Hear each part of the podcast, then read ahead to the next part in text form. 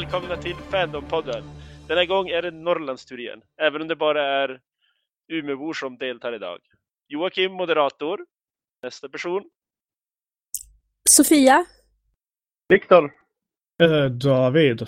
Hej och välkomna! Denna gång ska vi prata om science fiction då och nu. Vilket är bäst? Precis. David, börja. Jag? Okej. Okay. Ja, ja okej. Okay. Jag hittar på idé. ämnet så. Jo, precis. Det här är straffet. Alltså, jag vet inte eh, om det är någon hemlighet att jag är väldigt förtjust i moderna författare, alltså samtida, nuvarande författare. Eh, speciellt Justina Robson, Greg Elizabeth Bear. Greg Bear är kan man få räknas lite som de äldre.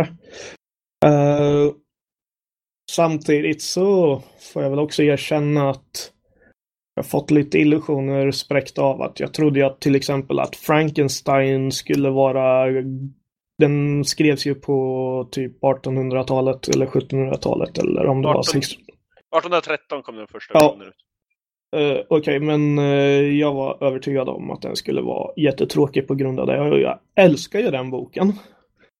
Så jag gillar ju Heinlein och sånt där. Samtidigt så har jag, har jag och jag började ju med Arthur C. Clarke naturligtvis. Eh, det var ju han som fick in mig. Jag hittade 2010 och Möte med Rama i hyllan hemma hos farsan så eh, jag tänkte säga att jag, jag föredrar nog modern science fiction fast det kanske inte riktigt är sant för jag gillar väldigt mycket av många en, av de gamla också. Uh, en bok jag älskar var ju Babel 17 av Roger Zelazny och Roger Zelazny. Blanda ihop författare nu. Eh, Fin, finns det flera nu? nej, men vänta ett tag. Det var, var inte Zelazny. Nej, fan. Selesny skrev eh, Amber Chronicles. Eh, Okej, nej det var inte Zelazny. Babel 17 var skriven av eh, en annan död person. Eh, Eh, Sa- Samuel R. Delaney. Ja, så var en det. snabb eh, googling. tack. Ja. så eh, eh, jag får väl säga att i regel så föredrar jag väl de moderna författarna. Men eh, det har väl mycket med att göra att jag älskar Space Opera. Och eh, just den genren så brukar faktiskt de äldre verkligen suga. Ja, det är väl mest typ pulp i rymden då. Ja, faktiskt. Eh, Så, så eh, i Space Opera generellt så finns det jävligt bra sci- science fiction både då och nu, men eh, just den genren har utvecklats något enormt och blivit enormt mycket bättre enligt min mening. Alltså jag kan ju tycka att det är intressant på olika sätt i det här att, att eh, science fiction, trots att det utspelar sig i framtiden, väldigt mycket speglar alltså den tid när det skrevs. Eh, för jag vet att, att eh, jag läste 2001 eh, A Space Odyssey eh, år 2000 och, och blev fascinerad över hur hur liksom man hade trott att världen skulle bli. Mm. Och det är ju samma sak med, med eh, 1984 som är skriven 48. Eh, där man har liksom någon slags vision av vad som kommer hända och en del av det stämmer och en del stämmer inte. Ganska ofta som liksom som vissa, alltså man, man får med de stora förändringarna. Ja men överljushastighet och teleportering och grejer. Men inte liksom, man tänker inte på att samhället förändras. Det är väl, jag menar, tid, framförallt tidiga Heinlein-böcker är väl ganska ökända för det. Att det är liksom typ amerikanskt 50-tal fast man kan flyga i rymden. Ungefär. Ah, jag vet ju inte om, om jag håller med alltså, för Heinlein han utforskade ju väldigt mycket olika, alltså visst i, han, i hans generella böcker kanske, men sen har han ju skrivit böcker som direkt utforskar olika samhällsmodeller. Jo men det, det Starship är väl Troopers är ju en av dem.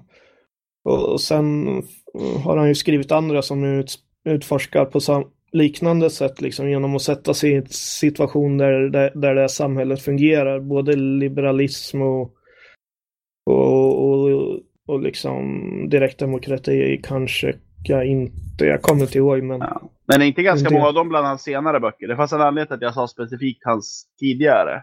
Oj, det, det har jag ingen aning om. jag tror i och för sig Starship Troopers tror jag är ganska tidig. Uh, men ja, mm. alltså som sagt, det är ju, jag menar, jag, är, han skrev en jävla massa böcker så att det stämmer naturligtvis inte på alla. Men jag vet vissa av hans böcker i alla fall, där är det väldigt mycket att det är liksom, ja men tonåringarna är som hämtade ur Acke ungefär, förutom att de drömmer om att bli rymdkaptener när de blir stora. Mm. Mm. Jo men lite grann tänker jag, det skrev i min uppsats som aldrig blev färdig. Jag tror det var Sven Christer Svan som nämnde det i någon av sina eh, samlingar pratar ju som att science fiction är ju egentligen den enda genren som ständigt måste vara i förändring. En annan genre kan ju vara som western, det förändras ju inte. Det handlar ju om vilda västern liksom på 1800-talet. Om en modern roman utspelar sig i nutid. Science fiction måste ju hela tiden ständigt vara i jakt på ny teknologi, ny utveckling. Måste hela tiden hela tiden vara i ständig förändring eller dö. Så gammal science fiction, science fiction är genren som oftast gammal litteratur kan vara svår att läsa framförallt tror han pratar om att science fiction utvecklas i, sam, i uh, samråd med stadens utveckling. Staden är ju liksom väldigt mycket när det gäller att utveckla teknologin så att det blir väldigt mycket Science fiction är alltid en ständig jakt framåt. Den kan aldrig stå stilla och stampa på samma ställe för då är den död som genre. Men det gäller, det gäller, inte, det gäller inte någon annan genre. Utan det är bara science fiction som hela tiden måste Fast det beror ju väl lite på vilken del i science fiction man väljer att skriva i så fall, måste det väl göra. För alltså, det där är, nog, det där är ju sant för, väldigt sant för så här nära framtid science fiction som Charles Stross och ja, nästan alla moderna har givits in på någon gång. Det en... Men det är ju det, det är inte lika sant för typ rymdopera förutom att um, Alltså vi höll ju på att läsa Revelation Space och vi ska ha bokmöte om den så vi ska inte prata för mycket om den kanske men den eh, no, liksom, det är bara några små detaljer som man märker att den är skriven för typ en massa år sedan. Ja, jo. Sen, sen tycker ju jag att, att väldigt ofta så är liksom... Säg alltså, emot mig själv nu förresten. Det är det. uh, nej men liksom science fiction-elementen med, med liksom framtidsvisionen och det är en sak, medan sen berättarstilen och hur den utvecklas går ju mer i hand med hur berättande i, inom litteratur i allmänhet utvecklas. Eh, så att när du går, liksom, om du då tittar liksom på postmodernismen och, och går tillbaks innan den så har du ett, ett annan sorts berättande som inte har så mycket att göra med vad man faktiskt berättar om. Ja, oh. jo. Jo, precis, precis. Det, jo. Mm. Det, en sak som kan vara intressant att titta på kan jag tänka när, eftersom många författare har varit liksom aktiva under väldigt lång tid, eller var aktiva innan de dog i alla fall under en lång tid, när de liksom återkommer till tidigare historia. Jag tänker både på uppföljarna till Möte med Rama som kom, jag vet inte hur länge efter originalet, men ganska länge i alla fall. Och även eh, Asimovs senare Foundation-romaner. Eh, så Foundation and Earth och ja, allt de där vad de heter att de är ju både liksom, dels hade ju tekniken utvecklats mycket under den tiden. Och det märks ju framförallt i Foundation-böckerna tycker jag att Asimov försöker smyga in datorer som att ja, men de fanns egentligen hela tiden. Vi bara nämnde dem aldrig tidigare, ungefär. Mm. Eh, men även liksom rent ja, men berättartekniskt och sådär som du var inne på. Så är ju, jag, jag, vet att jag och David har väldigt olika uppfattning om Rama-uppföljarna. Men jag tror man kan vara överens om att de är, skiljer sig väldigt mycket från originalet rent stilmässigt. Ja, det kan jag nog vara överens med om. Uh, definitivt. Uh, jag hade en tanke som försvann igen. Nej, men jag tänker på saker som... Åh, var det Ursula K. Le Guin som skrev den här science fiction-romanen med alltså könsöverskridande utomjordingar? Left Hand of Darkness. Ja. Och hon har ju gått eller inte gått tillbaks, men hon har gett intervjuer om den och sagt att, att om hon skrev den idag med liksom dagens samhälle som, som utgångspunkt så skulle hon ha gjort det annorlunda. Och det är ju också att, att liksom hur vårt samhälle ser på saker förändras. Och därför förändras hur man skriver om, om saker också. Mm. Jo, det var framförallt det där att hon använde uttrycket han för alla karaktärer. Ja. Det var det hon ångrade lite grann tror jag. Och tekniskt sett är utomjordingar, jag tror de är människor egentligen. Men... Ja, det är jättelänge sedan jag läste den. Ja, jag fick för mig Ja, någonting. De, de är ju människor, men det var ju, de är ju genetiskt eh, moddade för att fungera bättre som samhälle i eh, det här vinterlandskapet där det aldrig är sommar. Men jag tror, jag tror det var, jag tror, jag tror, hon, näm, jag tror hon sa det om en läckis böcker att hon, kanske var då hon nämnde det vid tillfället när läckis böcker kom ut också. Att hon egentligen själv borde ha kanske tänkt på att använda hon istället för han. Mm. Precis. Nej, men det är ju en utveckling av liksom språket som vi ser också när nu vi ska inte ta en debatt om könsneutrala pronomen, men jag menar det är ju faktiskt någonting som numera existerar i samhället. Mm. Och, och det är ju mycket sån utveckling som liksom dels är svår att se, för jag menar på 50-talet så, så till exempel så hade du ingen aning om att det skulle komma att hända och kanske inte ens kunde tänka dig att det skulle hända. Mm. Ehm, Ja, det, Men det är sen lite... ser alltså jag ser inte riktigt poängen med att tänka sådär, om jag, om jag skrev den idag så skulle jag gjort det där annorlunda, för den kom ju ut när den kom ut och på den tiden liksom så tror jag inte- så kanske hon inte hade ens hade fått den publicerad om hon hade gjort det på ett annat sätt. Eh, om, om hon tycker att liksom hon skulle ha gjort, om hon tänker att hon skulle ha gjort annorlunda så tror jag hon är fullt kapabel att tänka upp en ny berättelse med de teman som inte ett dugg är lik kanske den här, men som ändå utforskar samma teman utifrån det hon har lärt sig sedan den kom ut.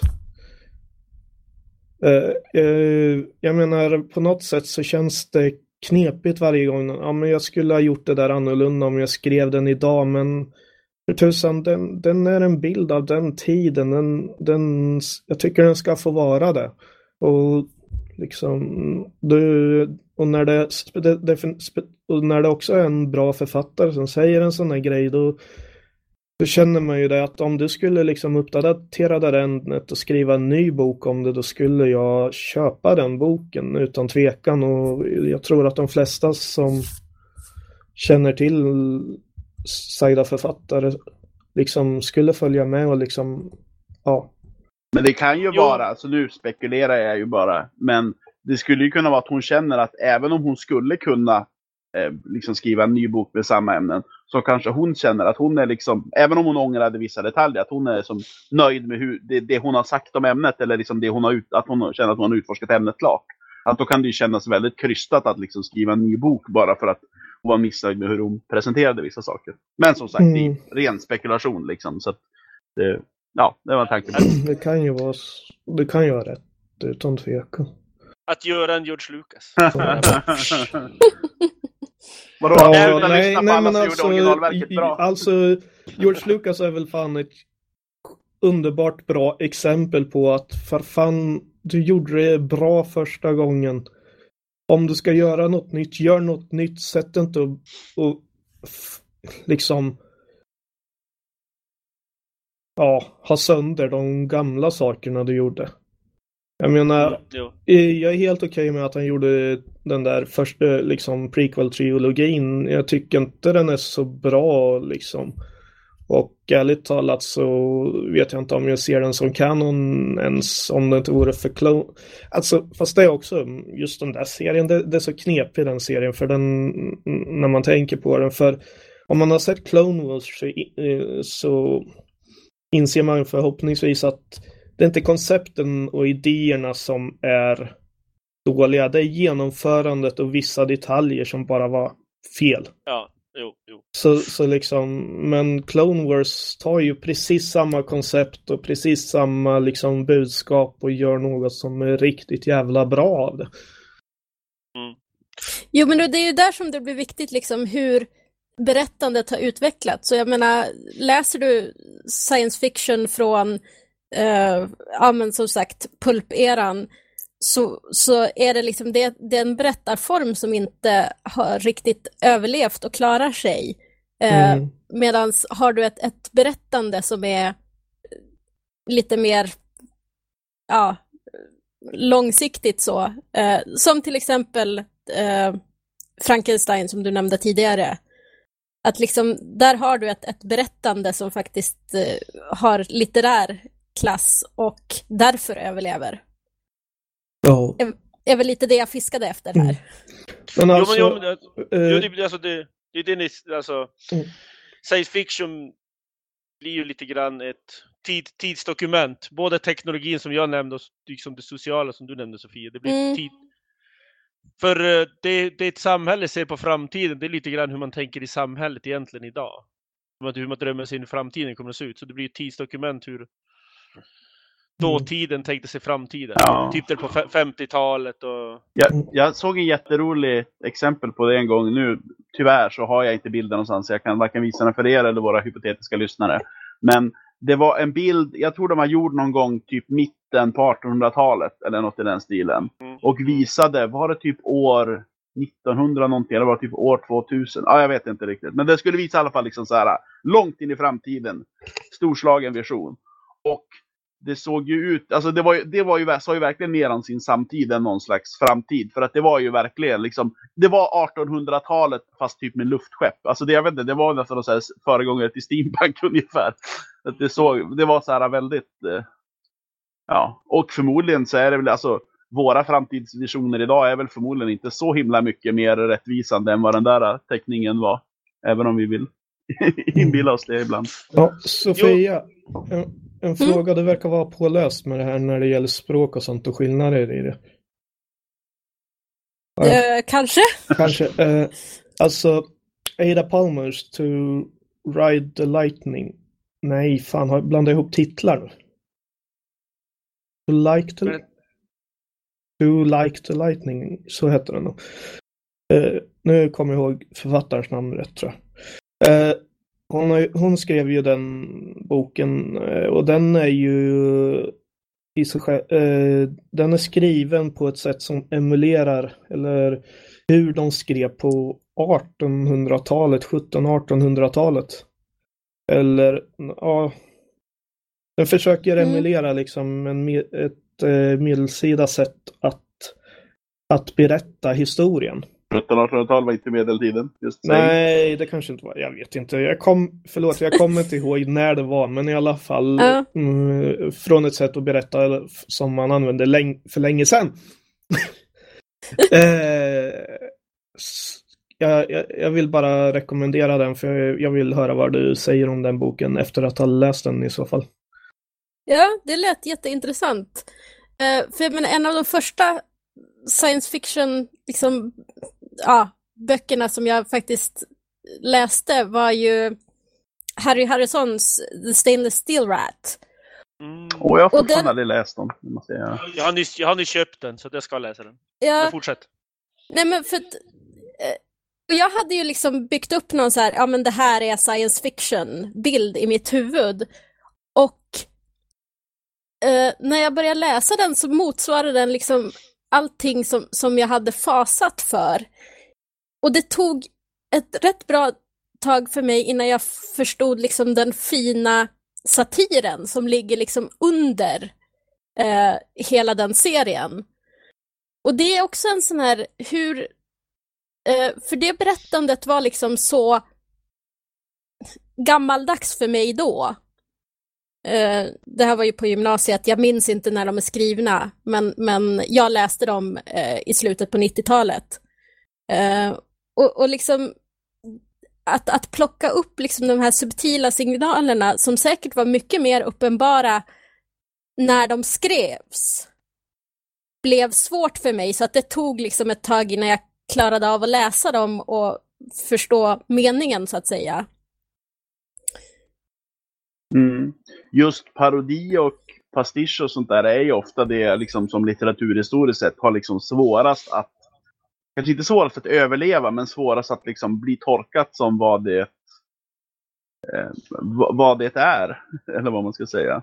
Jag menar, det är ju Mm. fortfarande liksom, eh, vad heter det, nu är inte det fantastik på något sätt, men eh, eh, försten av, eh, vad heter han, Machiavelli. Är ju fortfarande, Folk bråkar ju fortfarande om huruvida det är liksom uppriktiga råd eller satir. Eh, och det var ju förmodligen, när den kom ut så var ju förmodligen inte det en diskussion. Då var det väl förmodligen uppenbart åt endera hållet. Men liksom så här i efterhand när man missar alla, liksom, ja, man är inte en del av samma samhälle så blir det ju mycket svårare. Mm. Stainless Steel rätt. Första kom ut 1961. Ja, jag visste inte att de var så gamla, jag trodde de var nyare. Senaste kom ut 2015. Jaha, Ja. okej, de fortsätter fortfarande. Gud, Men vänta ett jag har. tag, eh, är det en serie alltså? ja. Ja. Oj jäklar. Stainless Steel, Stainless Steel Reds Revenge, Saves the World, Wants You, For President, Is Born, goes, Gets Drafted, The Golden Years, Sings the Blues, Goes to Hell, Joins the Circus, Returns, and The Misplaced Battleship. Ja, alltså. Det påminner mig förresten, den här diskussionen kommer på att påminna mig om Iron Sky. De... Eh, jag var Är det nazisterna på månen? Ja. Eh, Ja. jag var ju på en antal, eftersom jag är Star Trek och, och Iron Sky-fan och jag älskar allt de gjort typ. Och, ja, och, och varit inblandad med deras projekt på, på väldigt låg nivå så har jag ju, jag var på, eh, poängen var jag var på en av deras paneler och de, the Iron Sky, i den så hände ju det rätt bisarra att eh, USAs president tar till sig nazisternas budskap och använder det för att bli omvald. Eh, så, eh, och eh, de, de sa ju det att en sak som har förändrats nu det är att Donald Trump kom, har kommit till och använder väldigt mycket nazistiska åsikter och sånt där. Ja, han, han har ju en väldigt rasistisk regering och Mm. där de sa att det de inte hade väntat sig när de släppte Iron Sky, det var att eh, de skulle få en USA, en president, USA-president som typ så väldigt mycket i eh, sina åsikter liknade den president som de uppvisade. För, för alltså folk, folk mm, har en tendens att säga emot, fast när man tänker efter går det inte att komma ifrån det. Han är väldigt, väldigt nära en, någon typ av nazist, Donald Trump. Mm. Speciellt om man tar i, har i åtanke den, han, eh, kabinett, hans kabinett som man har liksom valt in. Ja, men och det har ju... Åh, nu är jag en dålig person för jag glömmer... Alltså de som har gjort Wolfenstein nu. Den svensk eh, spelproducent. Jag vet inte. Jag vet bara att id gjorde det första, men det är alls vilka som gör nu. DICE kanske, om det är svenska? New... Nej, Wolfenstein the New Order. Ja, precis. Mas- Machine Games. Ja, tack. Eh, men de har ju också fått, för att de tänkte att ja, men vi gör ett spel där man dödar nazister. Det är ju liksom, det är ett spel så, och det är så här ett evigt tema. Och nu har de helt plötsligt fått så här, åh, det är kontroversiellt. Ja. Och de bara, men Ja, det är Jaha. rätt kul. Näst Zombies har väl nazister varit det mest klassiska liksom, så här, canon fodder i spel. ja, men precis. och Men helt hur blev plötsligt så är det så här, kontroversiellt? Så att nazisterna gillar inte att man dödar dem i spel. Ja men vänta, va, vilka Eh, det nazister? som är det som verkligen är, är, eller det som har fått uppmärksamhet, det är ju att det utspelar sig i USA och att eh, Amerika har blivit övertaget av nazister.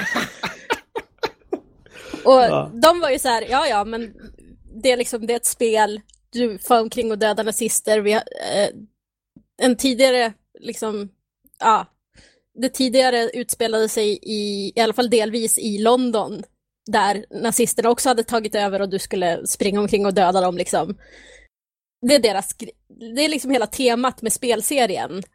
Nazisterna vann, du springer runt och dödar dem. Och det här utspelar sig i USA och helt plötsligt så är det så här, nej men oj, det blev kontroversiellt. Jo, men jo, det är ju lite grann att nya spelet i New Colossus, hela alltså, handlingen är ju mycket lek med den grejen också. För BJ Blazkowicz som är personen, han är Mm. jude. Men hela hans, han är ju verkligen sån här klassisk uh, tv-spelshjälte, vit, muskulös, riktigt sådär arisk. Han är släkt med Commander Keen. Ja, precis. Alltså han är verkligen, han är verkligen så dröm, drömbilden av en uh, nazistisk man också. Så samtidigt mm. han jude, så att det blir, de har ju verkligen en poäng av att Jo, och det är ju lite grann hela...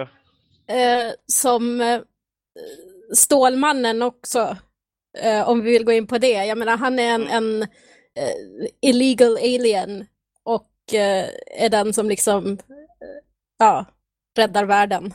Ja, men det är väl samma sak när, de, ska, när de skapade... Skapade två judar. Ja. ja, men det är samma sak med Captain America. Han ser också ut som liksom så här arisk drömman, blond och blåögd och allting.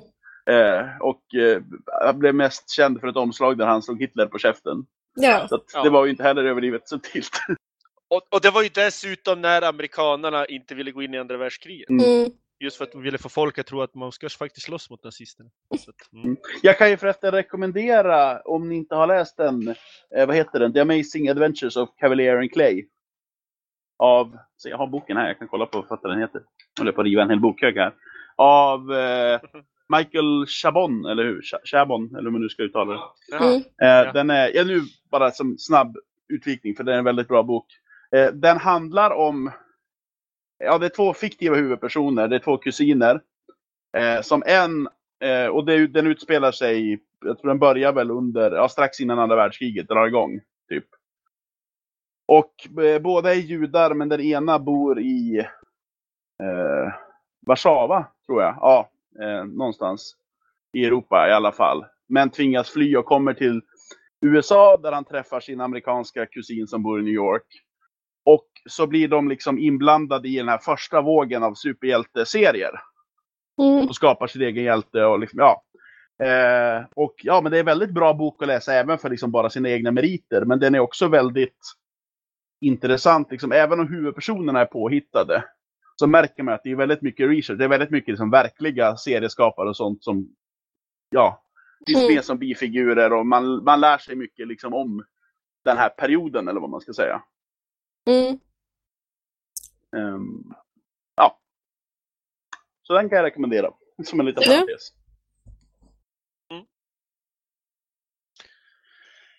Jag börjar tänka på det David, David sa i början liksom om att science fiction som utspelar sig i närtid är lätt, eh, kanske svårare att förutsäga teknologi, men jag tänker nästan ännu svårare när det är långt in i framtiden. Jag tycker lite som Star Trek då.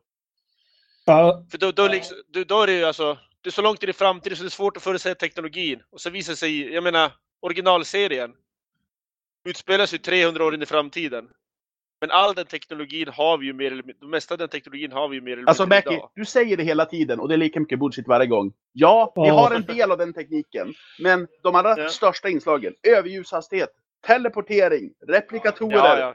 whatever, har vi inte. Och, och, så det och, är helt enkelt inte och, och, Jag får väl säga samma sak som jag sa förra gången om de här jädra, eh, eller jädra, de här deras eh, kommunikatorer.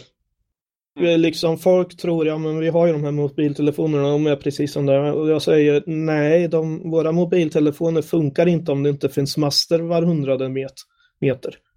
Jag menar, deras eh, kommunikationssaker fungerar utan problem. De är eh, liksom... Så de är satellittelefoner? Över halva. Liksom, de, de kan prata med varandra även om de är på motsatta sidan av klotet. Ja. Fast, de, fast de finns ju idag. Ja, fast de är inte så jävla små. Ja, de har väl dem på bröstet typ. På läke, jag tror de satt sjukhus i USA. Ja, men vad då? Alltså en satellittelefon idag? Eh... Nej, men satellittelefon, men eh, kommunikatorer. Ja, men de där kommunikatorerna, de, de, eh, de fin det finns fortfarande inget sånt som, i som de har i, som i Star Trek. Jo, de, de har... Ja, men vad då? Menar du att de där klarar av att sända till andra sidan jorden? Utan liksom satelliter och, och saker som går emellan? Eller går över internet kanske det gör till och med. Fast, fast jag vet inte om, nej, jag vet inte om det är någon som verkligen sänder över hela jorden. Nej, använder de på ett sjukhus så verkar det liksom, onödigt. Och liksom, det är... Star Treks kommunikatörer liksom fungerar trots att de på planeter som inte har satellitnätverk ens. Förutom när det krävs av handlingen att de inte ska fungera. Ja, då är de mindre pålitliga. Då, då, kanske det finns någon så här konstig mineral i marken eller vad fan det Fast då ska man ju, fast då ska man ju tänka att Enterprise är ju typ en satellit. Ja, men det är en satellit. Ja, men den funkar ju den som är själva... Ja, det, viss signalen. eh, Enterprise eh, fungerar ändå, antagligen som relä. Men eh, för att de, våra eh, liksom, mobiltelefoner ska fungera så måste antingen så måste de ha en stor jävla så här, parabol eller inte stor, den behöver inte vara så stor, men man måste ändå ha en parabol som man sätter upp för att kunna prata direkt med en satellit. Nej, alltså en Det- satellittelefon idag ser ju ut som typ en mobiltelefon på Gör det? 90-talet ungefär. Alltså de är, de är märkbart större än vanliga mobiltelefoner, men de är inte så himla stora. Okej. Ja. Men, men ändå, min poäng är att de här, liksom, en satellittelefon får fortfarande inte plats i fickan om man inte har väldigt stora fickor eller en utility kilt eller något så. Ja, men de är, vi är fortfarande betydligt närmare sådana än vi, var i, än vad vi är Mm. till warp-hastighet eller Ja. teleportering. Ja, jo, jo, Ja, ja, och, och jo- jordens krökning innebär ju också att eh, för att prata med någon på andra sidan jorden så behöver man bra, eh, bra mycket fler än en enda satellit. Antagligen. Ja, jo, jo, jo, gud ja. Jo, ja. Så, så nej, jag, vi har inte Star Trek-kommunikatörer än. Inte, vi kanske börjat komma nära med satellittelefonerna om de blivit så små så. Men eh, det, det är liksom fortfarande inget som finns som alla personer har. Sen verkar de ju också kunna läsa huvudpersonernas tankar eftersom de kontaktar alltid rätt person. Ja. man säger... Nej, men ibland säger de inte det, det vet till och med jag. Att ibland är det bara liksom så här. Ja, okej. Jo, det, det har jag också funderat på. det, det tror jag egentligen är en mer rätt varje imponerande funktion än att de kan skicka till andra sidan planeten. Ja, ja, jo, jo. Jo, men, vi, Men det är väl det- samma det- sak som med dörrarna på ja. Star Trek-rymdskeppen som uppenbarligen kan läsa Ja. tankarna på de som ska gå igenom Ja, dem. fa- Och öppnar fa- sig bara när de behövs. Fast å andra sidan liksom. Eh, jag menar om, om en eh, om liksom Walmart kan eh, förutsäga att en kvinna är gravid på grund av väldigt mycket data, då skulle man ju kunna sätta ett neural net på att lära sig hur en person liksom eh, väldigt så här små skillnader i hur de ut, eh, uttrycker sig när de säger saker för, för att lära sig liksom vart de är på väg. Det borde gå alltså. Jag, jag kan inte Ja, tänka mig att det är omöjligt jo, att det- få det att fungera med dagens teknologi. Ja, inte Fast omöjligt. det, fast det skulle ta en jävla massa tid för den där att lära sig för varje person i och för sig. Ja. Men, så det Förmodligen skulle en liksom... hygglig felmarginal också, men Ja, ja, jo, ja. Jag tänker att, att eh, det lättaste vore väl att ha någonting som ehm, lyssnar på konversationen innan och, och liksom få, tar clues från det. Att liksom, ja, Ja. du är på en planet, det är någon som har trillat och slagit sig, du kanske frågar hur, hur gick det och sen måste du kontakta Medbay. Och då har den liksom plockat upp att ja, men det är någon som är skadad, då vill han kontakta Medbay. Mm. Typ. Ja, ja. Mm. Det skulle ju vara den lättare vägen kan jag tänka. Undrar om det är någon i Starfleet som klagar över att de blir integritetskränkta av att deras communicators lyssnar på dem när de bara har sina vanliga samtal. Nej, då lägger de ju bort att de inte vill bli pratade med. Jag tänkte det är precis samma sak. Mobiltelefoner har ju anklagat för att lyssna på oss när de inte är tänkta göra det också. Det är Mm. det som jag menade var lite samma. Men, du- men det är ju därför de alltid, när de söker efter en person och så hittar de bara, ja ah, den är bok kvar på rymdskeppet.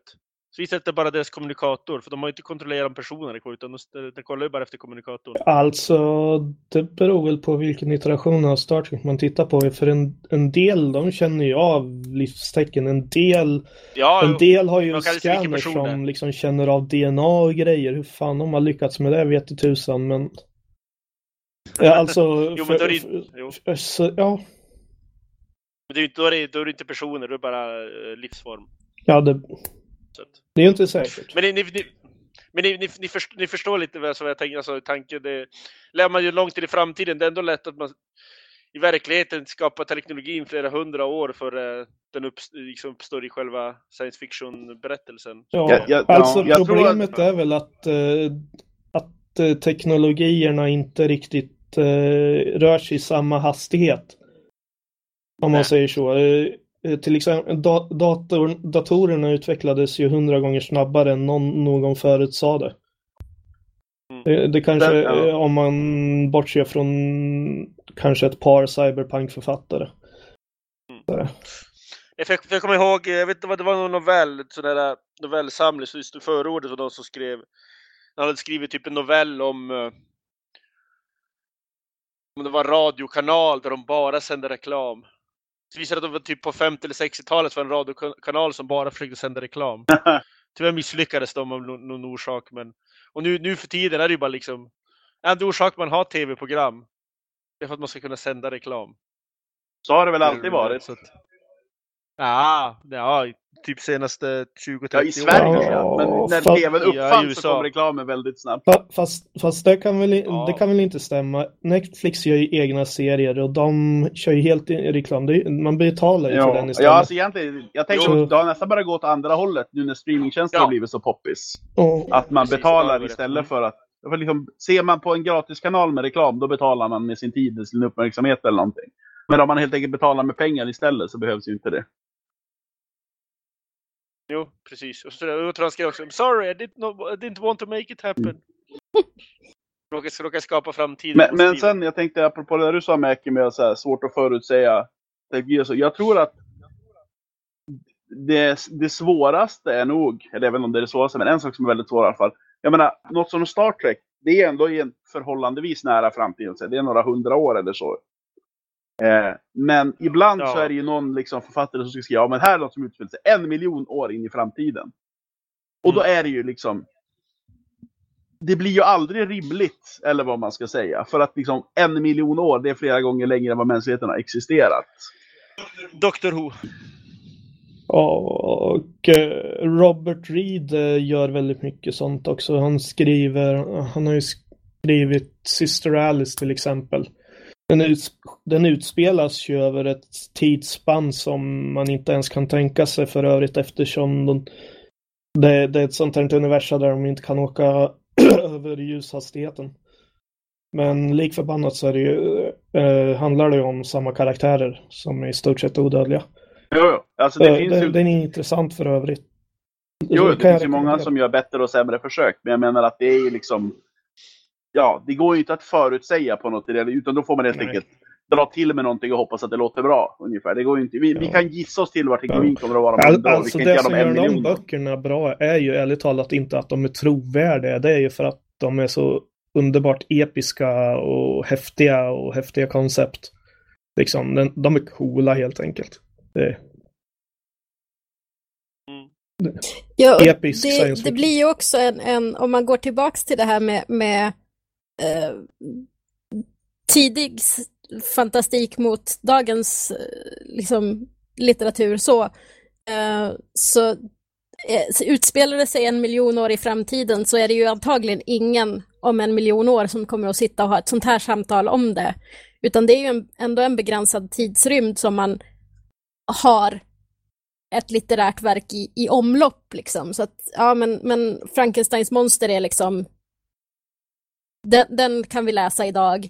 Medans eh, Beowulf börjar vara lite så här, ah, du måste, ha en, eh, du måste ha en översättning, du måste ha någon som har tolkat den för att det går inte att läsa den på originalspråk om du inte har liksom läst ja, gammel eh, Old English.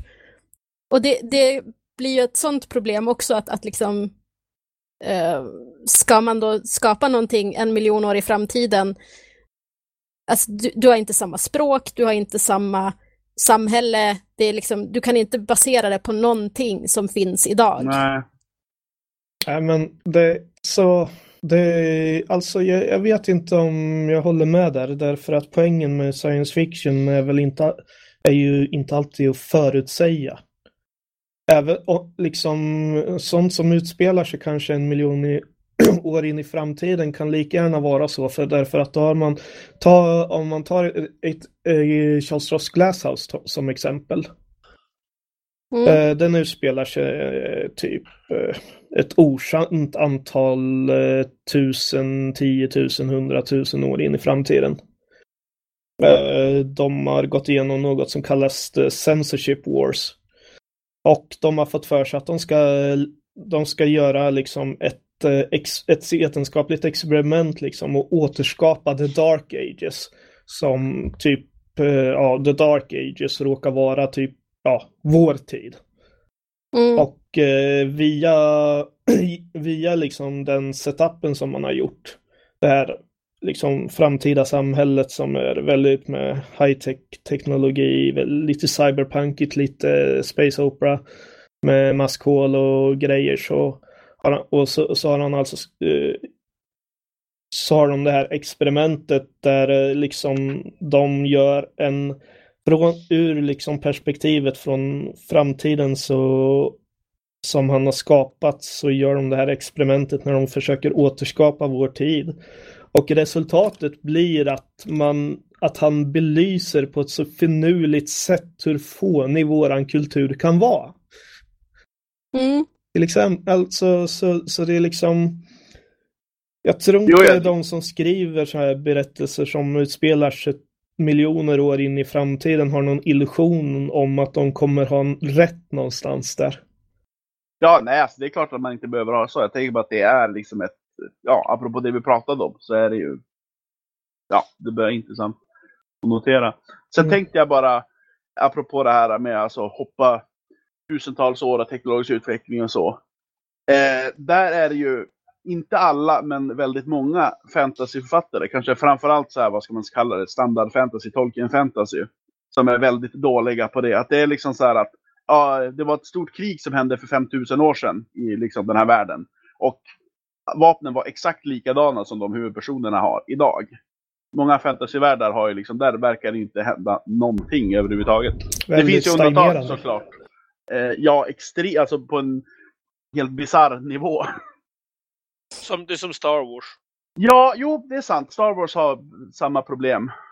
Ja. Inte förändras på 25 000 Nej, år. nej men precis. Det är ju sån absurd. Och dessutom, en, någon slags medeltida fantasyvärld kan ju i alla fall skylla lite grann på att ja, men samhället är väldigt decentraliserat och utspritt och kanske liksom, ja, det är svårt att få uppfinningar och få genomslag och sådär. Även om det inte är en ursäkt som håller hela vägen. Men Jag vet Star Wars inte har ju verkligen ingen Ja. ursäkt.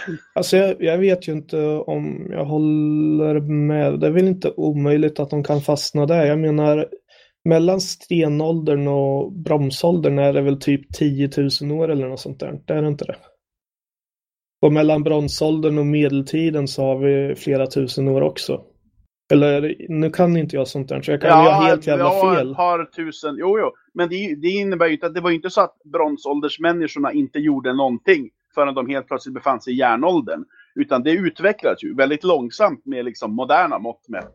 Mm. Men det, det var ju inte så att en dag så vaknade de upp och så var det järnålder. Utan det var ju liksom att ja, samhället förändrades och till slut så kom det till den nivå som vi nu Mm. kallar för järnåldern. Ja. Så förändringar kan ju ibland gå väldigt långsamt, Ja, absolut. Fast är det inte Men så eh, ofta inte liksom så... upphöra helt. Ja. Men är det inte ofta så även, är det inte så även i Tolkien? Jag, nu vet ju inte jag eftersom jag inte läst honom att eh, i sådana här fantasyberättelser så har den väldigt tendens att gå, an, gå bakåt istället.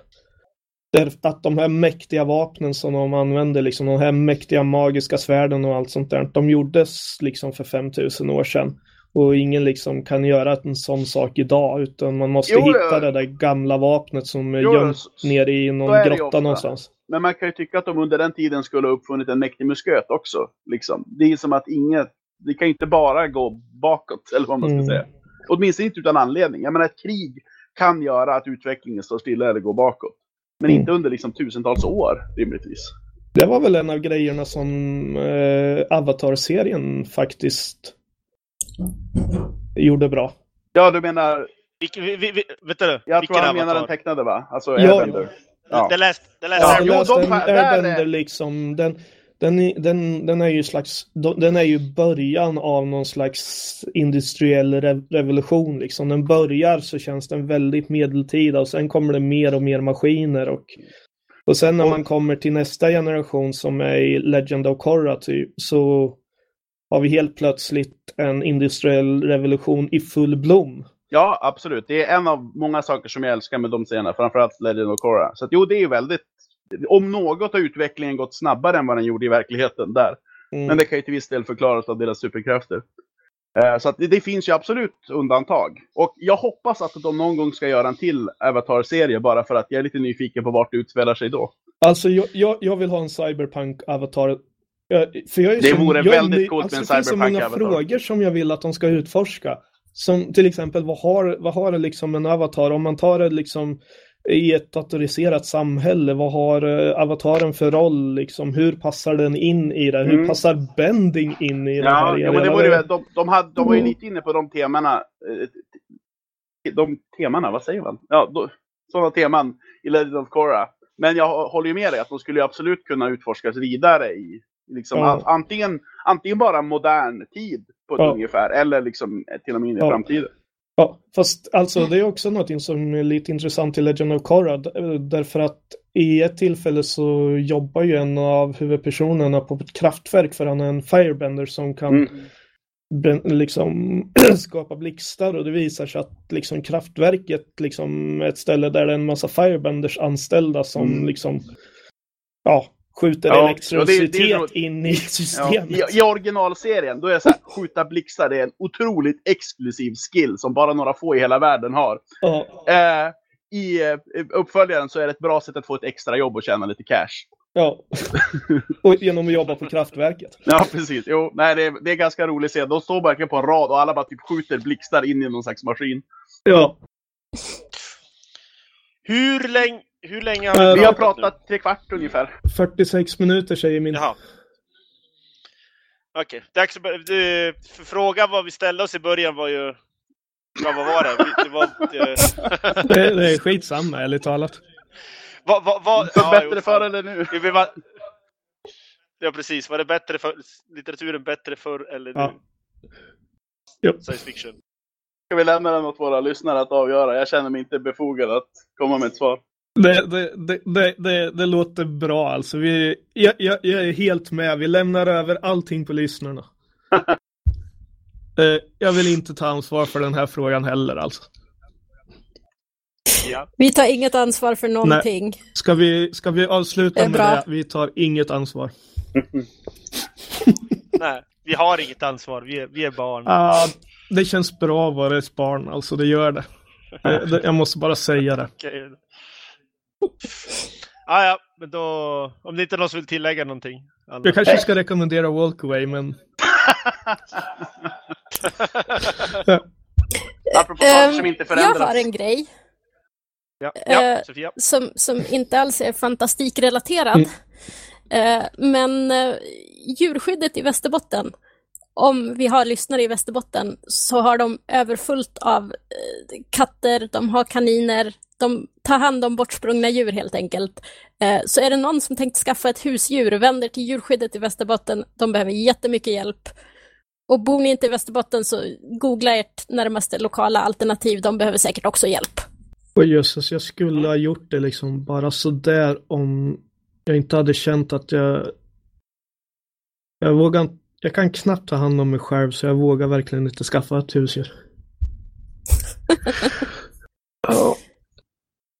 Mm. Ta, skaffa, ta väl hand om husdjur. Mm. Ja, Bay nuclear your pets. Då avslutar vi de orden. Mm. Då avslutar vi de orden och säger... Jag trodde vi skulle avsluta... Hej då. Hej då! hej!